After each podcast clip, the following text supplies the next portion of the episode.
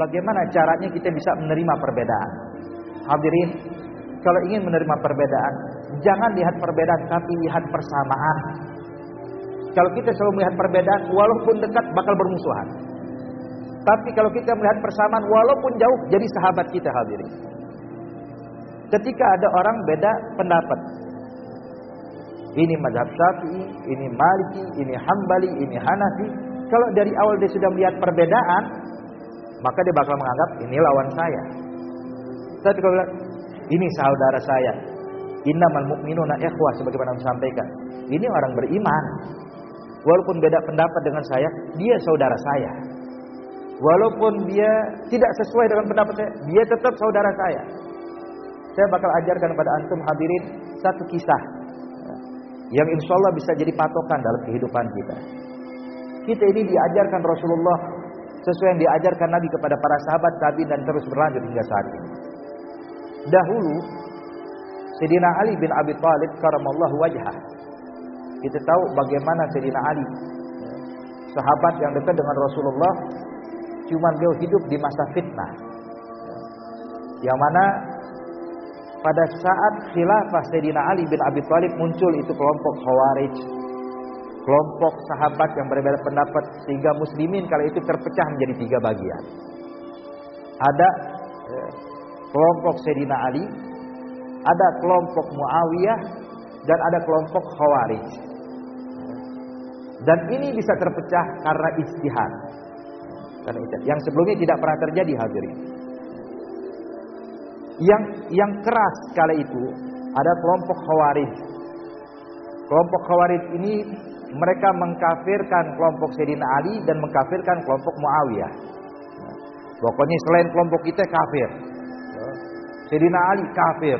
Masya Allah. Padahal kita tahu Ali bin Abi Thalib siapa hadirin ya. Tapi karena subhanallah karena hati mereka sudah tertutup sehingga bisa mengkafirkan kaum muslimin bahkan mengkafirkan sahabat Nabi Muhammad sallallahu alaihi wasallam saat itu terjadi pada saat Idul Fitri. Yang mana pada masa Rasulullah hingga masa Sayyidina Utsman ibn Affan kaum muslimin itu melakukan salat Idul Fitri dan Idul Adha di kota Madinah ya, dengan satu imam. Yaitu imam yang bernama Rasulullah. Setelah Nabi wafat digantikan Sayyidina Abu Bakar Siddiq. Beliau wafat digantikan Umar bin Khattab. Dia wafat digantikan Utsman terakhir Sayyidina Ali. Yang mana pada masa sebelumnya itu orang-orang kalau sholat id di Madinah bergabung semuanya. Sholat di belakang satu imam. Tapi masa Sayyidina Ali bin Abi Thalib ya, ketika muncul kaum khawarij saudara sekalian mereka mengatakan kita nggak mau sholat di belakang Ali bin Abi Thalib. Kenapa? Sebab mereka anggap Ali bin Abi Thalib kafir. Mereka bikin jamaah sendiri. Sampai sahabat-sahabat Sayyidina Ali bilang, "Galia Amirul Mukminin, ala tanhahum Ali, Amirul Mukminin, engkau kan khalifah. Kenapa engkau enggak cegah mereka? Mereka ini melakukan sholat di tempat lain menunjukkan perpecahan umat Islam. Maka apa kata Ali bin Abi Thalib saudara sekalian? Kata Sayyidina Ali, Galia Fulan, ya, saya ini bukan Abu Jahal yang mencegah orang untuk sholat. Saya tidak mau termasuk dalam ayat Ara'aital ladzi yanha 'abdan idza shalla. Saya bukan Abu Jahal. Selagi orang tersebut mau sholat menghadap kepada Allah, saya nggak punya hak melarang dia. Silakan. Lalu orang ini mengatakan, lakinnahum munafiqun. Tapi mereka orang-orang munafik. Ya. Kata Sayyidina Ali, "Hei fulan, Allah telah gambarkan dalam Al-Qur'an, orang munafik itu adalah orang kalau sholatnya ria, zikirnya malas. Mereka ahlul Qur'an. Mereka ahlul zikir. Mereka ahlul ibadah. Mana mungkin aku bisa katakan mereka munafik sedangkan Allah telah menyebutkan ciri-ciri orang munafik. Satu sahabat mengatakan, "Ya Amirul Mukminin, kalau mereka bukan munafik, lalu siapa mereka?" Apa jawab Ali bin Abi Thalib? Ali bin Abi Thalib mengatakan, "Haula ikhwanuna." Mereka adalah saudara-saudara kita. Bagau alena memang berontak kepada kita, tapi tetap saudara kata Ali bin Abi Thalib. Yang dilihat persamaan. Hadirin, jujur saat ini umat Islam terpecah di mana-mana sebab mereka hanya memandang label. Saya mazhab saya ini, mazhab dia beda. Sampai kapan bisa bersatu? Sampai kapan eh, muslimin dan mukminun bisa menjadi ikhwah sesungguhnya. Tapi lihat Bapak Ibu sekalian. Coba kalau Anda pergi haji, pergi umrah. Lihat di depan Ka'bah. Itu yang hadir semuanya dengan mazhab yang berbeda-beda. Dengan aliran berbeda-beda. Tapi subhanallah bisa satu sholat bersama-sama. Kenapa? Sebab mereka tinggalkan tuh label mazhab, label aliran, label kelompok. Mereka cuma menghadap kepada Allah Subhanahu wa taala. Hilang perpecahan, hilang permusuhan yang ada persaudaraan hadirin. Maka oleh karena itu nasihat dari saya untuk antum juga buat diri saya. Mulai saat ini ayo jangan pernah lihat perbedaan, tapi lihatlah persamaan. Adapun perbedaan pasti terjadi. Mau tidak mau. Kita nggak bisa menafikan tidak ada perbedaan harus dinafikan, tidak mungkin. Sebab akal kita nih fungsinya berbeda-beda. Istihad ulama jangankan kita. Imam Syafi'i dengan Imam Malik mereka berguru saudara sekalian. Imam Syafi'i muridnya Imam Malik tapi lihat pemahaman berbeda akan Al-Qur'an terjadi perbedaan tapi tidak menyebabkan perpecahan. Satu kisah Imam Syafi'i waktu belajar dengan Imam Malik bin Anas. Saat itu disebutkan bahwasanya sudah kaidah tidak boleh mengeluarkan fatwa ulama mana pun di kota Madinah selagi ada Imam Malik di kota Madinah. La yufta wa Malikul Madinah. Tidak boleh mengeluarkan fatwa kalau ada Imam Malik di Madinah. Kenapa? Sebab dia imamul ulama di zaman tersebut.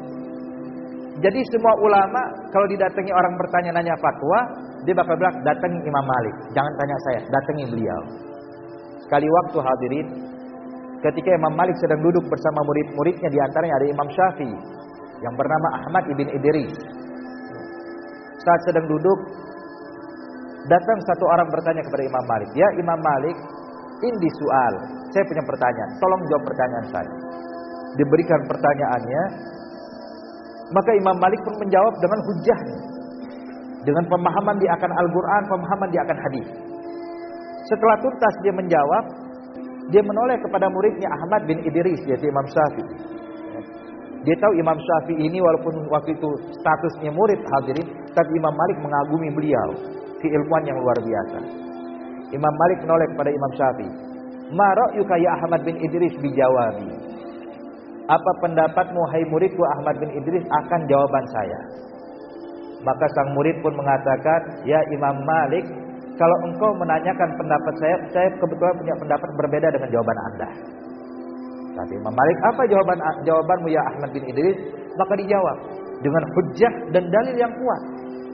Imam Malik pun ketika melihat muridnya berbeda pendapat dengan dia, tidak marah hadirin. Yang ada beliau tersenyum selalu mengatakan kepada orang bertanya, ambil jawaban muridku, tinggalkan jawaban saya. Lihat hadirin. Tidak cukup sampai di situ. Setelah bubar, Imam Malik pun menulis di law, di papan ibaratnya dituliskan di situ, ya, diucapkan bait syair yang berbunyi Man arada ilman nafis fa'alaihi bi Ahmad bin Idris. Barang siapa yang pengen dapatkan ilmu yang mulia, ilmu yang murni, datangi muridku Ahmad bin Idris. Ya, ini artinya pengakuan seorang guru kepada murid.